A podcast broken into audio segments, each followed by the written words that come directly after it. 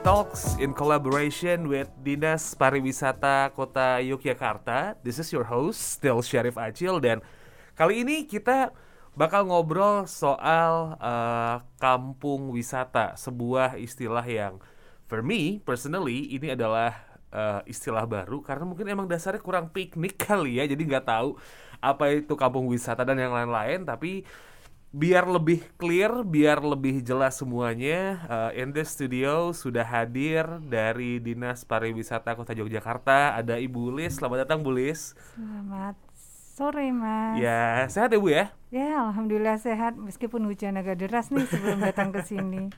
Gimana Bu kegiatan um, di masa PPKM mulai dari level 4 sampai sekarang level 2 Bu? Padat banget kah atau malah justru ikutan slow juga kayak beberapa orang yang di luar sana bu.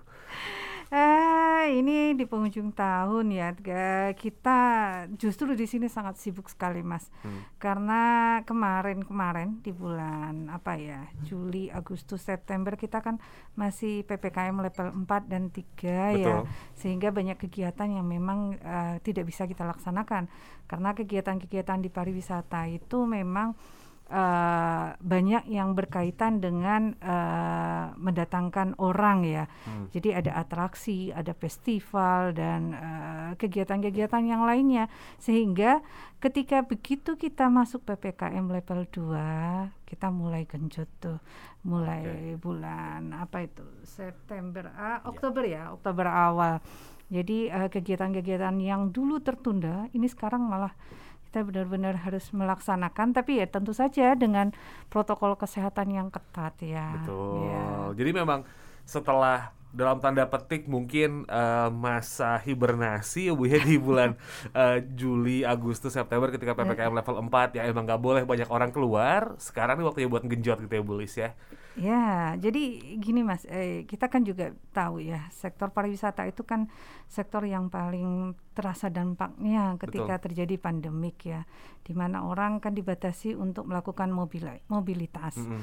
Sementara pariwisata itu sebenarnya adalah proses mobilitas orang untuk menikmati daya tarik wisata di tempat lain. Mm. Nah, eh, pariwisata itu sendiri menjadi menjadi sebuah apa ya motor penggerak ekonomi sebenarnya mm -hmm. di kota Yogyakarta. Selain sebagai kota pendidikan dia juga sebagai kota pariwisata. Nah, yeah.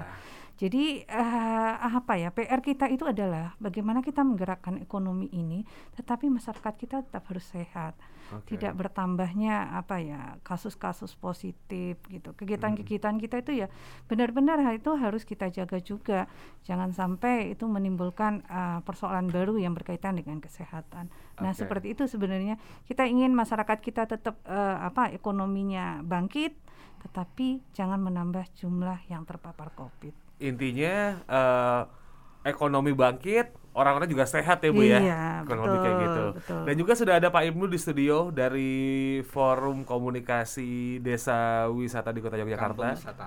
Kampung Wisata ya, bukan Desa Wisata, Kampung Wisata, sorry. Selamat datang Pak Ibnu. Iya, selamat datang Mas. Pak Ibnu mungkin uh, pertanyaan pertama nih karena memang kita akan berbicara soal kampung wisata. Kampung wisata ini sebenarnya apa sih Pak? Apakah kampung yang uh, didatangi orang gitu buat berwisata se, se, se letter look itu aja definisinya atau sebenarnya kampung yang seperti apa sih pak? Jadi kampung wisata ini sebenarnya adalah uh, apa uh, kita me mengambil dari apa kalau dulu itu XRK.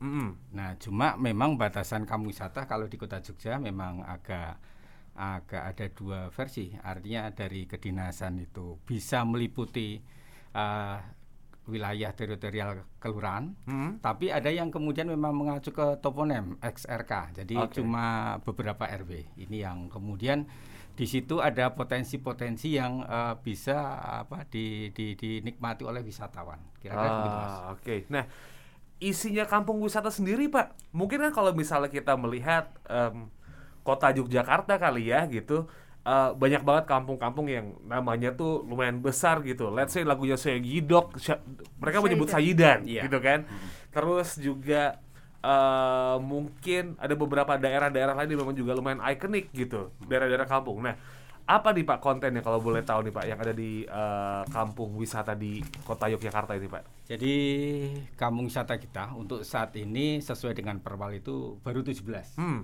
Nanti mungkin ada dari dinas itu ada embryonal jadi calon kampung wisata dan mungkin banyak lagi akan muncul. Nah, uh, di 17 kampung wisata tadi ada yang kemudian uh, sesuai tematik hmm. dan potensi, ada yang kemudian di wilayah pinggir sungai kita kan di kota Jogja ada tiga sungai. Betul.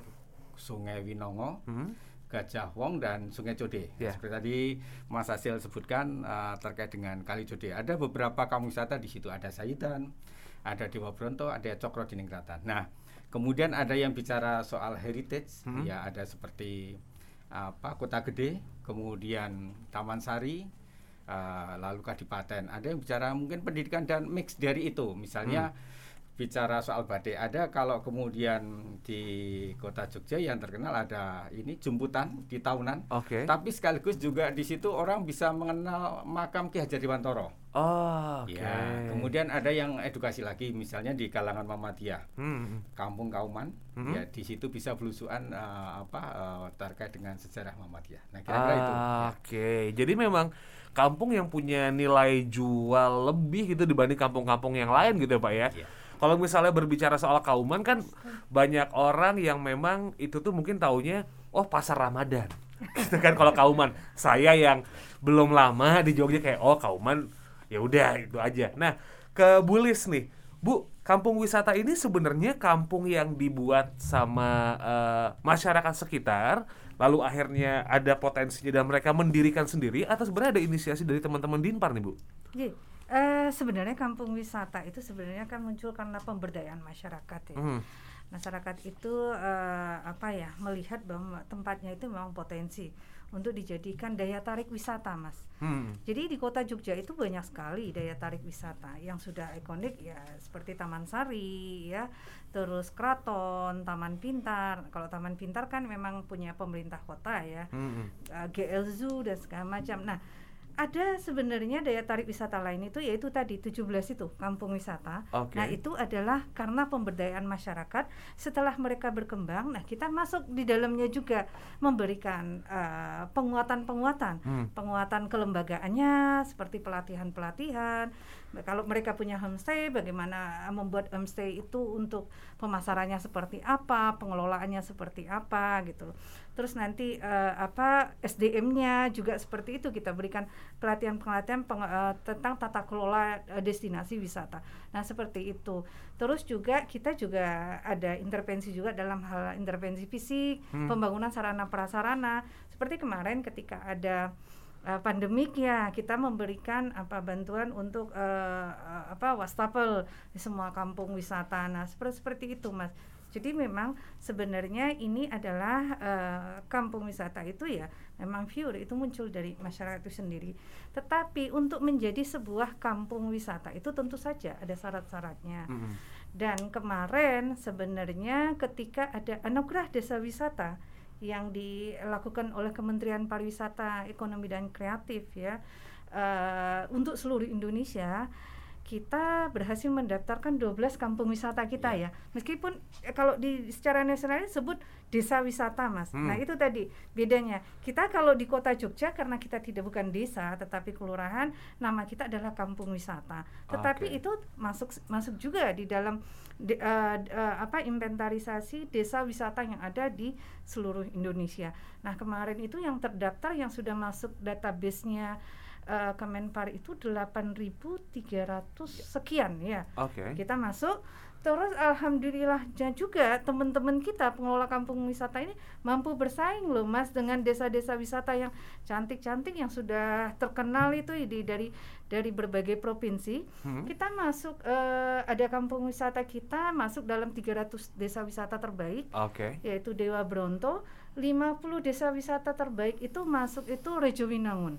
Mm-hmm. Kemarin Kampung Wisata Rejo Winangun itu didatangi oleh Pak Menteri Kemenparekraf, okay. uh, Mas Menteri Mas Sandiaga Uno. Yeah. Itu datang sendiri ke sana uh, melihat seperti apa potensi uh, Kampung Wisata Rejo Winangun dan bersepeda ya bersama jalur. kita aja mengikuti jalur wisata sepeda yang memang sudah kita gagas menjadi sebuah inovasi di masa pandemi. Kami punya uh, namanya Mona Lisa. Hmm. Menikmati harmoni Jogja melalui lima jalur wisata sepeda. Oke. Okay. Ada lima jalur dan itu menyusuri kampung-kampung, termasuk kampung wisata. Ah. Atraksi, kesenian, kuliner, terus cendramata. Nah itu yang kita coba uh, gagas uh, dan juga itu sudah kita lakukan nanti akan disediakan oleh teman-teman kampung wisata. Oh, Oke. Okay. Gitu, Mona Lisa ya bu ya. Iya. Itu artinya ya menikmati pesona yang ada di kota Yogyakarta iya. menggunakan sepeda melewati kampung-kampung wisata yang sudah disediakan gitu. Betul. Artinya um, kalau misalnya kita berbicara soal kampung wisata ini sendiri warga yang menginisiasi terlebih dahulu dan ketika memang uh, ada syarat-syarat sudah terpenuhi akhirnya baru dibina sama teman-teman dinas pariwisata kota Jogja. Iya. Tadi ada penyebutan syarat-syarat nih bu. Mm-hmm. Itu syarat-syaratnya memang diajukan uh, dari misalnya saya uh, bersama warga kampung A gitu misalnya uh, menganggap kita punya potensi wisata nih kita ajukan ke Dinpar gitu uh, bisa mengajukan sendiri atau mungkin Dinpar yang udah screening duluan nih bu?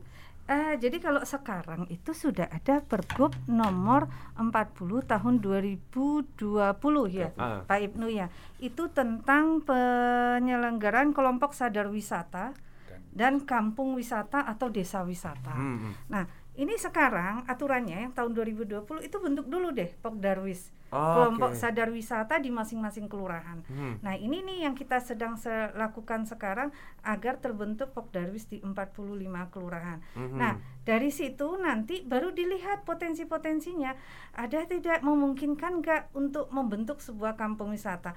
Syarat-syaratnya itu banyak. Salah satunya itu Ya nanti Business. mungkin Mbak Ibnu yang ini ya yang bisa juga menjelaskan ada homestay, yeah. ada daya tarik yang menjadi andalan dan segala macam. Nah, kami sendiri juga ada nanti surveillance yang melihat gitu, hmm. melakukan survei, melihat uh, kampung itu potensi apa tidak.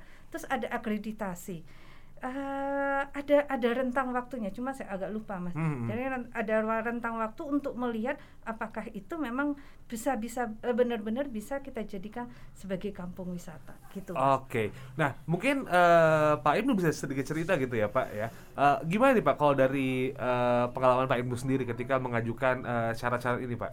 Ya Baik, kebetulan kami itu termasuk pionir. Hmm. Jadi ini kan program kalau dulu baik itu kamu wisata maupun sekarang desa wisata hmm. yang kebetulan menjadi destinasi utama DIY bukan cuma kota. Misalnya yang Langgeran, kemudian Gua Pindul itu munculnya adalah di tahun 2003 2004 terkait okay. dengan PNPM tadi seperti yang sudah disampaikan Bulis, pemberdayaan masyarakat berbasis pariwisata yang kemudian memunculkan berbagai desa wisata maupun kampung wisata yang sekarang sudah berkembang. Nah, hmm. kami uh, masuk di di situ. Jadi ini yang kemudian potensi yang ada memang dulu uh, apa dari button up. Jadi uh, apa yang ada diolah kemudian tidak lewat mekanisme karena mekanisme terkait dengan pergub itu kan yang saat ini dilakukan dan apa terbentuk. Tapi Betul. kalau yang 17 itu uh, per 2016 sebenarnya ada Podarus tapi tidak tidak kemudian Uh, seperti sekarang. Jadi makanya tadi Bu sudah menyampaikan kalau untuk mekanisme ke depan itu diperlukan uh, pembentukan Darus dulu. Hmm, hmm. Jadi itu Mas uh, kalau dulu kita memang dari bawah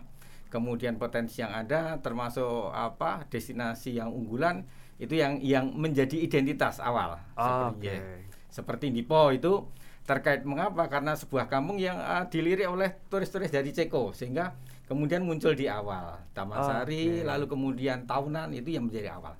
Yeah. Ya, iya, iya. Jadi memang ada gerakan dari bawah yang pengen ini kayak bisa dikembangkan deh akhirnya muncullah uh, kampung-kampung wisata di kota Jogja dan sekarang sudah 17 ya Bu ya. Nah, ini kan uh, ada 17 nih Bu. Artinya kan memang ada komunikasi antara satu kampung wisata dengan kampung wisata yang lain gitu Bu. Um, pernah nggak sih bu kayak kampung wisata ini dikumpulin semuanya jadi satu terus bikin kayak semacam festival gitu bu terus acaranya kayak gimana sih ya mas Agil ini ini ketuanya ini oh, ketua okay. forum kampung wisatanya uh. Jadi 17 kampung wisata itu mereka punya forum sendiri, hmm. forum kampung wisata. Nah, mereka juga memilih sendiri yang jadi ketuanya. Nah, kebetulan yang sekarang ini yang ada di depan kita ini Pak Ibnu, hmm. beliau ada ketua porkomnya. dan uh, mungkin kalau tanya uh, kegiatan mereka berkolaborasinya seperti apa, bersinerginya dengan yang lain-lain itu seperti apa, Pak Ibnu tuh yang paling tahu, J. Hmm. Nah, uh, kalau terkait dengan festival kampung wisata, ya kami dinas pariwisata secara rutin melakukan itu. Hmm. Hanya saja pada tahun ini karena situasi pandemik, memang ini kita pecah ya. Uh, jadi di beberapa tempat. Jadi kita pecah di empat tempat, tapi setiap tempat itu dengan uh, menggandeng kampung-kampung wisata yang ada di sekitarnya gitu okay. loh. Jadi kan tidak empat kampung wisata tok yang kita blow up, tetapi 17 kampung wisata itu terlibat sengkuyung lah meramaikan festival itu.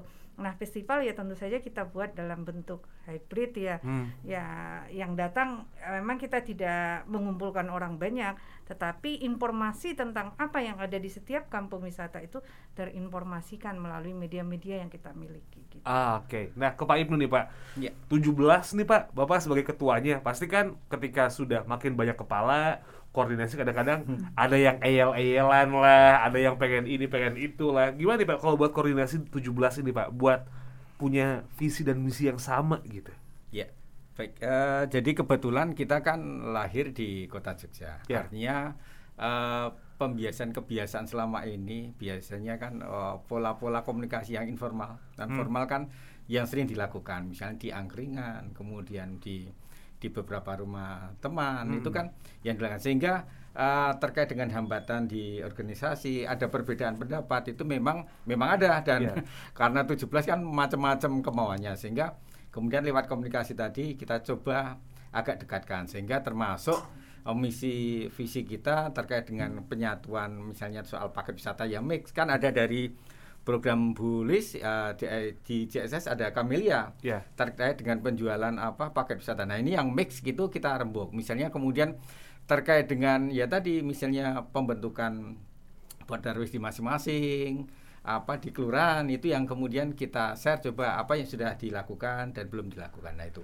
Oke, itu berbicara soal apa namanya soal pola komunikasi, kampung wisata seperti apa, peran dari teman-teman dinas pariwisata pun juga sudah dikasih tahu banyak orang yang nggak mungkin nggak tahu daerah di Jogja, especially soal kampung wisata ini, Pak. Yeah. Mungkin ya nama yang paling familiar dari 17 adalah Sayidan ya, Pak ya. Itu yeah. pun juga shout out buat teman-teman Segidok yang memang mempopulerkan lagu dari tahun 2000-an awal.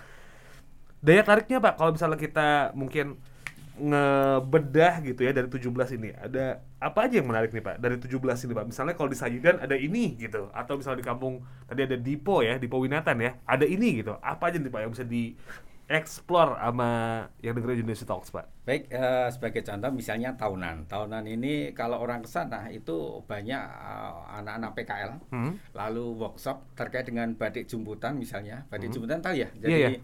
kan yang kemudian itu dikembangkan itu banyak sekali. Kemudian banyak tamu-tamu dari pemerintah uh, ke pemerintah Kota Yogyakarta mampir di sana. Oh, itu terlihat dari teman-teman yang selalu ke akses ke medsos. Kemudian misalnya perbayan. Ini misalnya di situ terkait dengan kuliner kipo, hmm. ya kemudian kerajinan perak, workshop. Nah ini ini yang kemudian di, di apa dikuatkan. Lalu Tamasari itu yang salah satu contoh di situ ada kampung siber hmm. di mana kita mengambil apa ini yang yang kemudian potensi yang menarik dan ini tidak hanya di di Taman Sari tapi semuanya mungkin mempunyai kekuatan yang lebih besar. Contoh adalah Raja Ratu Belanda datang ke Jogja, hmm. itu ya hanya ke kampung itu walaupun di situ ada ada heritage ketemu dengan Pak Jokowi, ketemu dengan Pak Sultan langsung ke cyber oh, okay. termasuk bos Facebook ini ini sebagai salah satu contoh lalu kemudian misalnya Pak Kualaman di situ ada mungkin Mas Asi bisa menikmati rujak es krim. Ya. Yeah. Nah, brand brandingnya kan itu okay. rujak es krim. Lalu misalnya uh, apa di Sosro Menduran itu pasar kembang. Yeah. Nah, di situ sekarang sudah sudah ada beberapa terkait dengan kaos Jogja, kerajinan kain perca dan lain-lain. Jadi ini beberapa yang di antara sekian banyak potensi-potensi yang mungkin bisa dikenal oleh uh, nanti wisatawan. Termasuk juga ketika kami uh, bertemu dengan apa uh, teman-teman dari apa dalam tabletop hmm. diajak keluar uh, daerah oleh dinas pariwisata ternyata banyak ini uh, travel agen itu belum tahu betul tentang kampung wisata sehingga kami mensosialisasikan sehingga nanti target-target uh, bahwa kampung wisata menjadi tujuan utama ini kita harapkan bisa terjadi. Oke, jadi sebenarnya mungkin uh, mungkin saya salah juga punya anggapan ya, mungkin Bulis dan juga Pak Ibnu gitu. Aktivitas yang sudah dilakukan sama wisatawan sebenarnya sudah masuk ke kampung wisata tapi mungkin nggak tahu daerahnya. Betul gitu nggak sih Bu? Kayak misalnya tadi uh, Pak Ibnu bilang mencicipi kipo dan juga uh, kerajinan perak. Oh, kota gede nih, tapi mungkin cuma kebayangnya kota gedenya aja. Betul. Lupa soal kampung wisatanya gitu. Yeah. Terus juga tadi uh, menyebutkan kampung siber yang ada di bayangan saya tuh sebenarnya oh iya Mark Zuckerberg pernah ke sebuah daerah yeah. ke Jogja yang memang di daerah itu tuh melek internet. Jadi hmm. sebenarnya apa ya? Belum nyampe ke wisatawan bahkan termasuk saya nih Bu yang oh itu kampung wisata ya ternyata jadi memang belum nyampe aja ya sebenarnya ya bu ya ya ya jadi gini sebenarnya kan kalau ya seperti ya kota kota gede ya. Yeah. Siapa yang nggak tahu kota gede gitu Betul. gitu kan. Tapi di sana itu ada tiga loh kampung wisata. Ah, ada Purbayan, okay. hmm. Rejowinangun sama Prenggan, gitu. Hmm. Dan itu punya keunggulan-keunggulan sendiri. Nah, Uh, sebenarnya kalau mau datang secara personal atau inisiatif sendiri nikmati apa yang ada di harmoni yang ada di kampung boleh saja. Tapi kalau mau beli paketnya pun katakanlah mau nginap uh, uh, uh, di homestay yang ada di situ mau menikmati suasana kampungnya. Terus mau bersepeda nanti uh, pinjam sepedanya terus mau menikmati kuliner. Sebenarnya ada paketnya gitu oh, okay. dan ada pemandu wisatanya juga dari kampung wisata gitu nah itu yang tadi disampaikan oleh Pak Ibnu kami sekarang sedang uh, apa ya membrand Camelia. Kampung wisata melayani melalui aplikasi. Oh, jadi okay uh, pemeriksa itu siapa saja itu bisa klik. Dia mau ke mana? Kampung sana mana? Perbayan? Perbayan itu di sana unggulannya apa? Kita bisa ikut kursus membuat perhiasan perak. Mulai dari melebur mencetak dan segala itu atraksi mas. Oke. Okay. nah itu nanti uh, mau sekalian jalan-jalan ke Between Two Gate. Mm. nah itu Between Two Gate kan ada rumah-rumah uh, kalang ya rumah-rumah di zaman uh, dulu itu berada dalam satu gang yang tertata rapi. Oh, Mau foto-foto okay. di situ boleh. Nah, di sana juga ada sebenarnya menyediakan makanan gitu. Hmm. Nah, sebenarnya kalau kita inginnya seperti ini, nanti ada paket wisata itu orang membeli satu paketnya atau hmm. tadi itu kombinasi paket dari beberapa kampung wisata. Kampung wisata Taman Sari punya keunggulan namanya di souvenir. Hmm. Dia punya batik painting kaos. ya kaos hmm. uh, ya kaos kaos batik itu nah nanti bisa dikombinasikan dengan potensi kampung wisata yang di Saidan gitu loh Saidan ada apa itu rumah gotik itu yeah. ya nah untuk selfie selfie segala macam nah sebenarnya kita lagi menggagas seperti itu sehingga nanti antar kampung ini juga tetap uh, bisa berkolaborasi gitu oke okay. karena ya. memang lumayan menarik setelah tadi Pak Ibnu menjelaskan juga Bulis akhirnya ngasih uh, penjelasan lebih detail juga ternyata ya mungkin wisatawannya aja yang kurang paham bahwa di situ adalah kampung wisata. Kayak tadi uh, nyebut rujak es krim. Oh iya itu makanan saya dari pertama kali datang gitu. Oh ada kampung wisata ya ternyata di situ kan? Terus juga Sayida tadi menyebutkan rumah gotik. Oh ternyata memang ada paketnya ya bu ya? Yeah. oke. Okay. it's really nice to know. Dan kalaupun memang misalnya um, orang nih pak wisatawan domestik gitu. Mungkin kalau misalnya yang dari Jogja sendiri karena mungkin ini rumah rum, tanah rumah sendiri gitu kan daerah tinggal sendiri mungkin jadi kayak oh ya udah. Tapi kalau respon dari orang-orang yang datang kampung wisata nih pak yang mungkin mengambil paket misalnya datang ke sebuah uh, kampung wisata gitu responnya gimana pak? Baik yang wisatawan uh, domestik ataupun yang asing nih pak? Ya ini salah satu program yang uh, kita bersinergi secara vertikal hmm. dengan dinas pariwisata kota yaitu membuat branding atau logo. Salah satunya yang baru dibikin Taman Sari, hmm. yang kemudian uh, terkait kehangatan dan harmoni. Mengapa kemudian muncul itu? Karena kemudian orang-orang yang uh, wisatawan misalnya lokal itu datang ke situ karena ada kekangenan, suasana keguyupan di kampung hmm. dan kadangkala uh, situasi bagaimana edukasi. Jadi semacam misalnya ketika yang muda ketemu tua itu kemudian ada oh, apa sopwaro, uluk salam. Nah ini yang membuat mereka kangen. Jadi hal-hal seperti itu yang yang muncul. Ini yang wisatawan untuk lokal dan kemudian yang luar pun sama artinya banyak malah backpacker yang menikmati suasana itu di di kampung-kampung wisata. Mm -hmm, ya. Itu untuk uh, responnya. Nah, Pak Ibnu nih Pak, um, pandemi jelas menjadi uh, beban untuk semua golongan ya. Mungkin ada yang merasa kayak ya udah pandemi harus stay at home dan mungkin kalau berbicara soal wisata kayaknya pandemi ini benar-benar pukulan telak nih Pak. Kayak kebayangnya kita lagi jalan di sebuah daerah jalan kosong ketemu Mike Tyson sama Muhammad Ali terus dipukul di muka tek gitu. Sakit banget buat beberapa orang especially wisata dari beberapa orang yang saya temuin. Nah ini kan sudah mulai turun nih Pak. Apa yang sedang dilakukan sama teman-teman uh, kampung wisata yang ada di kota Yogyakarta, especially untuk menyiapkan diri karena ini ada potensi buat wisatawan pada datang ke Jogja nih Pak. Dua bulan terakhir ini nih November atau Desember. Apa yang disiapin nih Pak? Jadi uh, seperti yang kami dari uh, pimpinan apa uh, kepala daerah sampaikan, kita bersinergi Artinya ketika pesan yang keluar kita kepengen. Kebetulan saya ngelola akun Google-nya untuk kamu wisata Taman Sari. Hmm. Itu terlihat. Pertanyaan yang muncul apa? Uh, bolehkah kami datang ke Taman Sari tapi belum semua vaksin? Padahal dia kepengen siap-siap uh, berwisata dengan beberapa bis siswanya. Hmm. Bolehkah kami membawa anak kecil? Lalu apa yang prewedding boleh sudah kami mau melakukan aktivitas itu. Hmm. Jadi jawaban kami yang mengacu apa yang sudah di, di apa dikomitmenkan oleh pemerintah kota misalnya terkait dengan konsep one gate bahwa ketika malam apa weekend itu ha? harus lewat terminal Giwangan dan sebagainya jadi kita memang kepengen orang yang ke, datang ke Jogja bergembira dengan masih sehat pulang pun membawa apa kesan yang gembira dan tetap sehat. Jadi kemudian kita nggak kepengen jangka pendek meledak apa uh, suasana wisatawan bagus, ekonomi jalan, tapi jangka pendek kita kepengen baik jangka pendek maupun jangka panjang terkait dengan apa pandemi ini semuanya bisa jalan. Jadi tidak cuma sekedar pragmatis apa antusiasme ke Jogja memang gede tapi kemudian tidak ada mekanisme yang uh, prokes yang ketat. Jadi kalau di kampung-kampung itu dan Bulis mungkin sudah uh, terkait dengan kampung-kampung wisata itu ada peduli lindungi hmm. hampir 17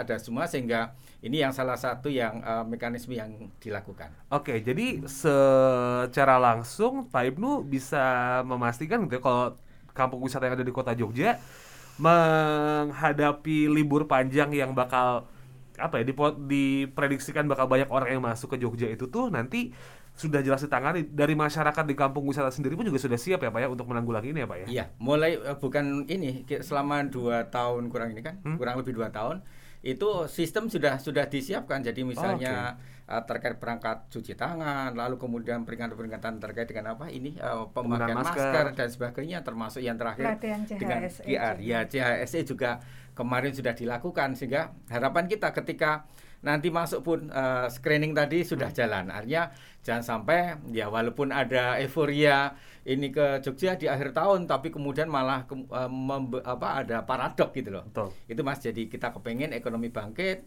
uh, yang berbasis pariwisata tapi kemudian aman dari sisi pandemi ini. Oke, jadi uh, dari kampung wisatanya dari teman-teman Pokdari sudah siap. Nah, dari Dinas Pariwisata Kota Jogja nih, Bulis. Gimana untuk mempersiapkan uh, apa namanya? gelombang wisatawan yang bakal datang ke Jogja nih. Karena kan kayaknya udah mulai gatel ya Bu orang liburan ke Jogja ya.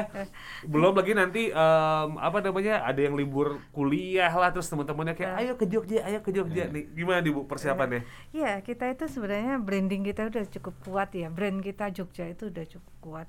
Jadi orang-orang itu selalu kangen kalau balik ke Jogja. Ya nggak belum pernah aja pengen ke sini gitu. Apalagi yang udah pernah ya kayaknya nggak bosan gitu kan. Jadi uh, di satu sisi uh, keinginan seperti itu tentu saja itu menjadi apa ya menjadi suatu yang menggembirakan. Tapi di sisi lain juga kita kan harus tetap uh, waspada ya mas ya. Jangan sampai nanti uh, terjadi ledakan yang baru. Yang kami lakukan ya tentu saja kami juga melakukan tata kelola pariwisata pemerintah kota ya. Pemerintah kota itu buat tata kelola pariwisata di uh, masa ppkm ya itu adalah sebagai salah satu usaha kita. Tadi sudah disampaikan oleh Pak Ibnu terkait dengan pengaturan eh, apa transportasi bus bis wisata yang itu tadi one gate system itu. Nah, itu juga adalah salah satu upaya kita agar yang masuk ke Jogja itu adalah orang-orang yang sudah memang melalui prokes. Artinya dia sudah dipernah sudah divaksin ya, dia sehat gitu loh dan terdeteksi seperti itu. Nah, kepada teman-teman di daya tarik wisata dan termasuk teman-teman di kampung wisata ini juga sudah kami bekali semua baik peraturan regulasi yang ada harus taati teman-teman itu taat loh mas ketika ppkm 4 nggak ada yang buka ya nggak buka tenan gitu loh mas okay. ya gitu. jadi uh, nah saat kemarin itulah kami itu melakukan apa penguatan penguatan di dalam pelatihan, terus bagaimana mitigasi bencana, bagaimana CHSE itu kita lakukan uh, bersama teman-teman melalui pelatihan-pelatihan melalui diklat lah.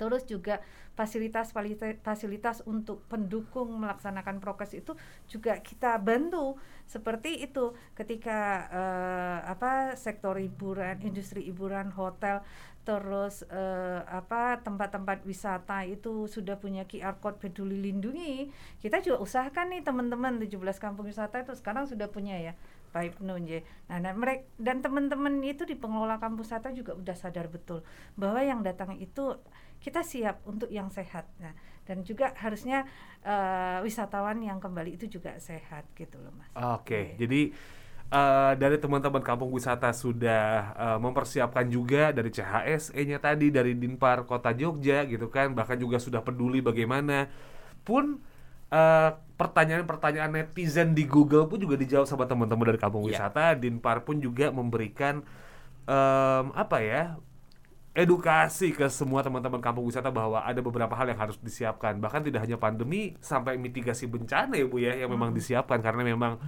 banyak yang bilang Jogja ini ring of fire utara mas selatan nih kayaknya wah udah siap gitu ya kalau diapit begitu. Baik pertanyaan terakhir uh, buat Bulus dan juga Pak Ibnu nih um, berbicara soal harapan ke depannya Pak. Kampung wisata ini sendiri gimana? Karena uh, kalau saya pribadi tadi mungkin memang belum dapat aja informasinya soal kampung wisata. Mungkin dari Pak Ibnu dulu Pak, harapan ke depannya apa nih Pak? Ya, jadi kota Jogja kan seperti yang diketahui itu kan wilayahnya kecil, tapi kita kepingin uh, destinasi kampung wisata ini menjadi destinasi utama, uh, menjadi etalase. Bahkan kemudian kita tahu juga perkembangan terkait alat transportasi. Uh, eh apa bandara Jogja Internasional sudah kebentuk itu mungkin 24 juta. Lalu jalan tol juga sama artinya mungkin bisa sampai puluhan juta yang akan entah entah mampir ke Jogja seperti apa. Tapi kemudian kan apa semakin mudah untuk akses ke kota Jogja. Sehingga harapan kita adalah semua titik apa di di seluruh kota Jogja ini sudah siap menerima kunjungan dan orang tahu seperti apa kamu wisata karena jangan sampai kemudian destinasi itu pindah keluar karena dengan transportasi yang uh, apa yang lebih mudah tadi harapan okay. kita gitu sehingga kita tidak menjadi penonton tapi kemudian pemain ya, ah. ya, ekonominya apa bangkit dan kemudian masyarakat di kampung-kampung itu juga merasakan kue tadi. Oke, okay. ya. nah Pak mungkin pertanyaan dari saya pribadi Pak sebelum saya ke Bulis, kalau saya pengen cari tahu informasi soal kampung-kampung wisata yang ada di Jogja Pak, Uh, ya. Itu bisa cari di mana Pak? Sementara boleh karena kita belum punya web itu hmm. ke lewat JSS nanti hmm. ada di situ ada program Camelia hmm. atau yang tadi disampaikan Bulis uh, Mona Lisa langsung diakses saja nanti diklik muncul uh, terkait dengan lima jalur sepeda terkait dengan program apa 17 kamu wisata nanti langsung bisa di situ dilihat. Oke, okay, ya. baik. Bulis monggo harapannya Bu dengan kampung wisata yang sudah 17 bukan jumlah yang sedikit ya Bu ya. Kampung wisata di Jogja gimana Bulis? Ya, Um, jadi kalau kami itu kan punya target itu sebenarnya uh, jumlah wisatawan yang meningkat ya. Hmm. Terus uh, apa lama tinggal wisatawan di Kota Jogja. Pada saat sebelum pandemi uh, lama tinggal wisatawan kita itu 2,8 hari hmm. ya.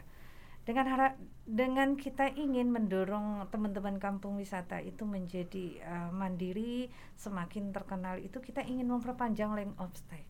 Okay. Karena kalau 17 kampung wisata itu didatangi separuhnya saja orang bisa seminggu mas di Jogja. Okay. ya kan? Seminggu Coba deh. nah, itu kan kita berharap nanti ada belanja wisatawan yang meningkat. Hmm. Yeah. Nah, itu akan apa? Mendorong menjadi daya ungkit yang cukup besar untuk pertumbuhan ekonomi kita. Baik untuk masyarakat kita di wilayah. Jadi, pariwisata itu itu bisa menjadi apa? Uh, mendorong uh, meningkatnya pendapatan masyarakat kita yang di wilayah. Okay. Nah seperti itu sebenarnya kita inginnya seperti itu. Jadi implikasinya itu juga masyarakat kita di wilayah bisa merasakan dari uh, industri pariwisata ini. Oke, okay, jadi tadi uh, mungkin Pak Inggus sempat mention bahwa ada yang namanya dampak ekonomi dan kita sudah jadi pemain. Teman-teman dari Dinas Pariwisata Kota Jogja pun juga sudah mempersiapkan bagaimana caranya supaya akhirnya ya length of stay-nya wisatawan baik itu domestik ataupun mancanegara tuh bisa lebih lama di Jogja dan akhirnya ya kuenya kerasa di mana-mana ya Bu ya kalau gitu ya istilahnya. kalau begitu terima kasih Pak Ibnu dari uh, Forkom Kampung Wisata Kota Yogyakarta dan juga Bulus dari Dinas Pariwisata Kota Yogyakarta sudah mampir dan juga main ke Unity Talk. Sehat-sehat terus ya Bapak Ibu ya.